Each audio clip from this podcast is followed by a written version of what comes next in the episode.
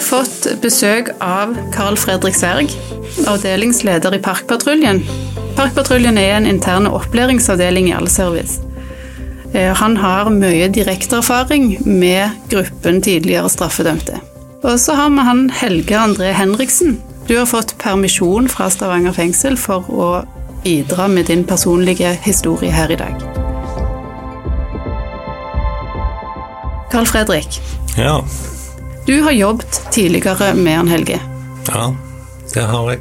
Hvor lenge var han inne hos Sosial Service? Helge kom vel til oss i januar i år, eh, når han bodde på Hauglands overgangsbolig, og starta et tiltak hos oss. Riktig. Og Helge, hva, du var i, hos oss i en måneds tid. Ja. Du fikk prøvd deg hos en arbeidsgiver. ja. Fortell litt om det. Altså Først så grua jeg meg jo, og eh, møtte opp på jobb. Ble godt tatt imot. Og ja, altså jeg ble møtt med en, på en menneskelig måte. Jeg ble ikke sett på som en kriminell, og eh, ble liksom ja, fort en del av arbeidsmiljøet. Og var ute på forskjellige oppgaver og ja, ute i, for å kløyve ved, felle trær, klippe gress og klippe hekker. Ja, egentlig alt. Fra, Klatre i trær. Ja, klatre, klatre, klatre i trær og ja, legge lysekabel. Og, så jeg fikk prøvd meg på ganske mange ting, egentlig. Og så satt Carl Fredrik deg i forbindelse med en eksterne bedrift. Ja. Hvor lenge var du der før du fikk tilbudt fast jobb? To uker. Jeg var vel to uker på sånn prøve, prøvetider, og så hadde jeg et eh, brudd på Auklend som gjorde at jeg ble tilbakeført til Stavanger fengsel. Men jeg jobba der i to uker og fikk fast stilling. Og det var jo som eh, lagermedarbeider og kjørte trøkk stort sett hele dagen, da. Hvordan ble du møtt der? Nei, jeg ble møtt egentlig likt sånn som på på allservice. Og vi hadde jo et intervju der jeg snakket litt om bakgrunnen min med, med rus og, og kriminalitet. Men eh, de valgte da å gi meg en sjanse. Ja, så jeg, eh, jeg trivdes veldig godt både der og med allservice. Du sa at du ble møtt på en menneskelig måte.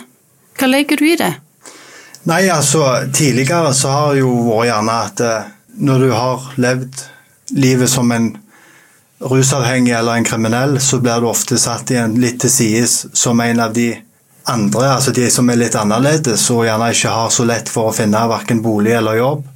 Jeg vet ikke helt hvordan jeg skal forklare det, men jeg ble møtt på en fin måte, og ikke liksom noe mas om fortida mi eller hvorfor jeg var der og sånn som det. Det var egentlig bare å komme på jobb og ja, jobbe. Så det, for meg så var jo det Endra jo mitt inntrykk av mine Altså hvordan jeg hadde sett for meg ting i hodet mitt, og med tanke på uføretrygd og sånn som det.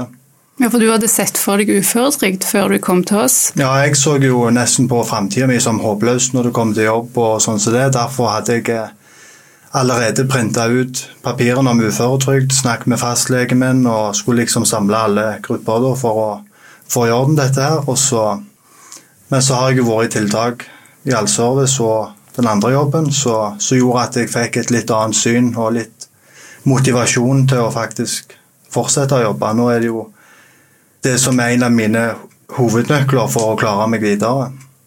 Ja, du, det er ikke første gang du er bak murene. Nei. Eh, Men du er sikker på at du klarer det denne gangen? Jeg er ikke helt sikker, men eh, det kan jeg jo aldri helt være. Men, men utgangspunktet mitt for oss å, å, å stå sterkere nå, det er jo helt klart mye sterkere enn det noen gang har vært. Nå har jeg jobb så gå til nå når jeg slipper ut nå, og jeg har plass å bo. og eh, Tidligere så har jeg jo sluppet ut til ingenting. Gjerne bare et plass på hospits som jeg har fått gjennom Nav. Så har jeg gjerne ikke vært helt klar heller for å endre livsstilen min, men det føler jeg jeg er nå. Hva er det som må være på plass for at du skal komme deg helt ut av kriminaliteten denne gangen? Det er jo jobb. Det er jo nettverk. For meg så er det jo mye òg trening og fokus på fysisk og psykisk helse. Og hvem jeg er med, hvor, altså, hvor jeg bor. Og ja, det er, det er, ganske mange ting som spiller inn, da, men uh, for meg er det viktigst at jeg har, jo, at jeg har familien, og at jeg uh, holder meg til rusfrie folk. Og uh, er observant på fallgruvene mine, hva jeg ikke kan gjøre, og hvor jeg ikke kan gå for at det skal gå galt. Og ja, så er det å gå på jobb hver dag, fylle dagene med noe meningsfullt. Er det noe du har fått hjelp med i under soning? Å bli bevisst på fallgruvene og hva som er viktig for oss å holde seg på den smale sti? Ja, altså, jeg, jeg er jo på en avdeling som kalles for RME, som er eh, rusmestringsavdeling. Og der de har fokus på altså, livsmestring og livsendring. Og eh, Det er jo en avdeling som da er med og følger deg opp. med Der er psykologer, der er miljøterapeuter og psykiater og litt sånn forskjellige som er med og hjelper deg. Og så får du jo en kontaktbetjent, og så er det jo òg sånn team rundt deg da, som følger deg opp. Og de har jo oppfordra meg da til å For jeg har jo snakket med de om at jeg har tenkt å søke uføretrygd.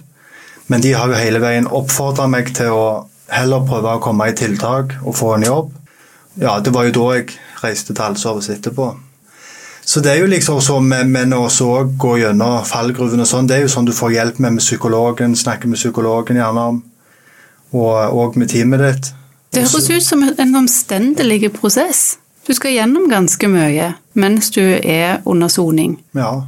Med kartlegginger og Ja, men du, det, altså, rusmestringa må jo søkes inn sjøl, og så blir det tatt et intervju av deg. Så får du jo en plass, altså en dato når du får komme inn der. Det er gjerne ikke alle som kommer inn, og gjerne ikke alle som vil være der heller. Så det, det er jo en ting du må ønske og ville sjøl for å komme inn på avdelingen. Så må, har du liksom eh, forskjellige oppgaver. Du må være med på, på gjerne overdosekurs eller eh, ja, masse sånne rusmestringsprogrammer der du holder på med litt forskjellige ting og går gjennom. Så det er mange ting du må gjøre. Så er det jo en gang i uka psykolog, altså i samtale med psykolog. Så det er jo en stor prosess, da.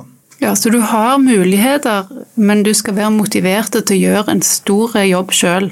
Ja. ja. Det er det som må være på plass. Carl Fredrik, hvordan var Helge å få inn i Parkpatruljen? Helge er en kjemperessurs, og jeg, jeg har tro på Helge fra dag én. Um, jeg så at han hadde tidlig bestemt seg. Um, sikkert ikke for første gang, men du, var veldig bestemt på at, at nå ønsker du å gjøre noe med livet ditt. og vekk fra kriminalitet og rus, og tilbake og leve, leve et sånn kjedelig A4-liv, som andre gjør. Ja. Eh, med en historie med, med mye soning og mye rus, så er det jo ikke Det er liksom ikke beine veien fram til, til målet. Der, der er noen humper på veien, og det, det, har du jo opplevd.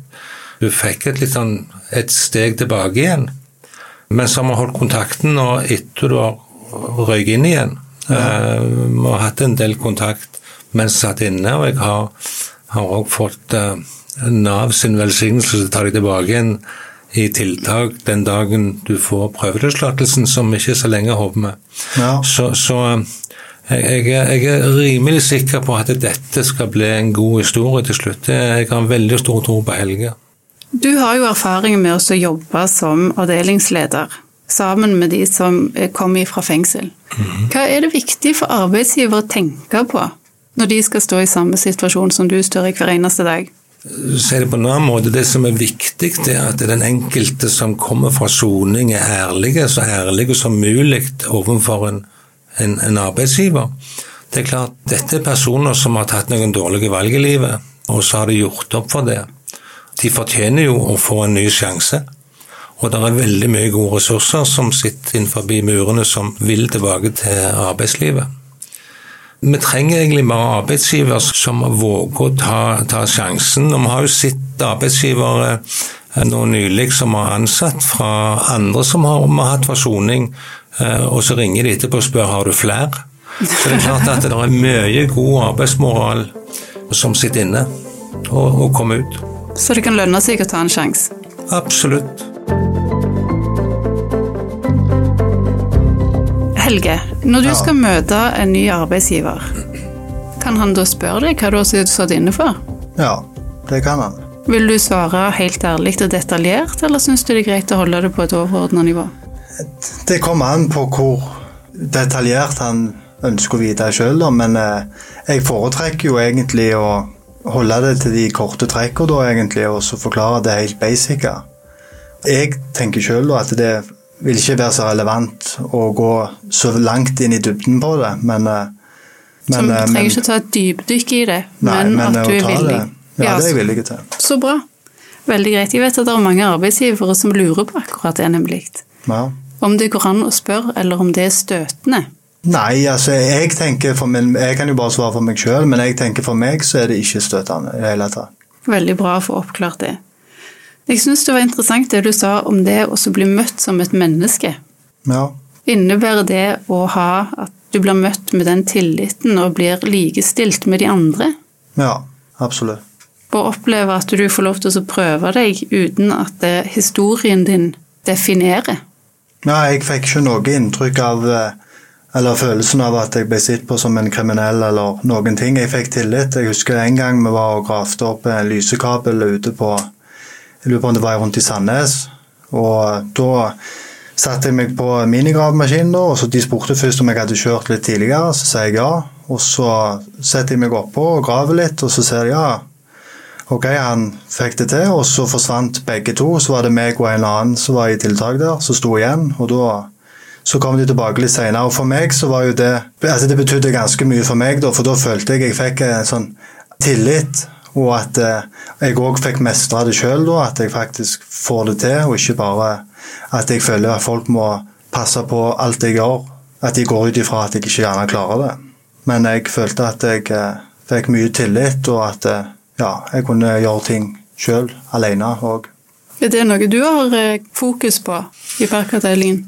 Ja, for vi, vi har lite fokus på fortida. Altså, fortida får vi gjort veldig lite med. Enten du eh, kommer fra soning eller rus eller psykiatri. Så vi får ikke gjort noe med det, så vi bruker ikke mye energi på det. Og det er klart at vi, må se framover. Hva, hva, hva, hva kan det bli av deg? Altså, hva kan vi få til med deg? Hva styrker har du? Og så bruker vi de istedenfor å hefte oss med, med hva, holdt på å si, hva har du gjort før. Det, det er liksom ikke så, så viktig for oss. Så fokus på å se styrkene i folk. Det er å finne ut hva kan du gjøre, hva type jobb kan du gjøre. Så det er klart Vi kan bruke litt av historikken, arbeidshistorikken hvis du har hatt det, men det er mange som ikke har hatt det. Og Da må vi finne ut hva type menneske er du, hva kan, oppgaver kan utføre. Så vi bruker veldig lite tid på, på det som har vært. Og Når det gjelder folk fra soning, så tror jeg jeg har ganske mange fra soning. Og jeg har til dags dato aldri spurt noen hva de har sonet for. Og det har vært veldig bevisst, eh, men alle har fortalt meg det på et eller annet tidspunkt. Men jeg har aldri gått og spurt hva har du sot for. Og det er liksom en bevisst handling, for jeg trenger ikke hefte med deg, om for meg i hvert fall. Altså, det er òg en strategi. Så Ja. kommer historien Men det, kommer, det er klart at eh, når du kommer i neste steg og skal over til en arbeidsgiver, så er det viktig å fortelle noe av historien din. For ellers så biter det deg i halen en dag. Eh, så det er klart at eh, når du kommer over i ordinært arbeidsliv, så, så bør du da være ærlig. Eller Du, sier du, må nesten være ærlig med en arbeidsgiver. Ikke i detalj nødvendigvis, men eh, i hvert fall i grove trekk. For du har jo et hull på CV-en, så du må på en eller annen måte forklare uansett. Ja.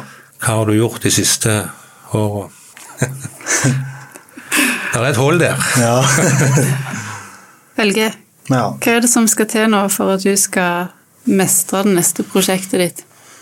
Nei, altså det blir vel egentlig å ta tak først og fremst i de tingene som gjør at jeg har hatt brudd nå, og jobbe med det. Og så er det jo å bygge videre på det som jeg allerede var i gang med, og forberede meg litt mer på når jeg blir løslatt, og jobb. Eventuelt oppfylling fra poliklinisk, eller ja, eventuelt det som jeg måtte trenge da, for å ja, få ordnet opp i ting, da. Så, men eh, for meg så er det jo jobb, og det som blir egentlig jeg kommer til å ha mest med å gjøre, det er jo å bygge videre på det nettverket der. Jeg har fått jobb med ganske mange andre ting underveis, men jeg husker når jeg kom til Allservice, så var det òg veldig vanskelig for meg å føre en samtale med noen, for jeg visste ikke hva jeg skulle snakke om. For folk kunne gjerne sitte og diskutere politikk eller snakke om vanlige ting som jeg ikke er så vant med da, i lunsjen. Og da kunne jeg nesten sitte her og føle meg som at jeg var litt på sidelinja, for jeg hadde ingenting å tilføye i forhold til de temaene der. Men, eh, men nå som jeg har vært rusfri over lengre tid og fått trent på det å være i jobb, så har jeg litt andre ting å snakke om òg. Ikke bare rus og fortid, liksom. Altså det som jeg har drevet på med halve livet mitt. Så det er litt andre ting òg.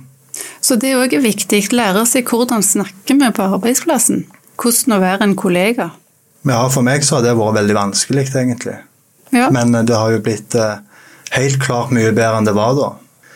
Så jeg tenker det å For meg så å gå og jobbe og sånn som det, og gjerne ta noen kurs og sånn som det, og jeg ser jo fram til å komme ut i fast jobb og få fast inntekt og ja, gjøre noe meningsfullt. Det blir veldig spennende å følge deg videre. Jo, takk. Tusen takk til begge to. Tusen takk til Helge for at du kom og fortalte historien din, og til Carl Fredrik. Takk for at vi fikk komme. Ja, sjøl takk. Skal vi si takk for oss? Ja. Takk for oss. ja.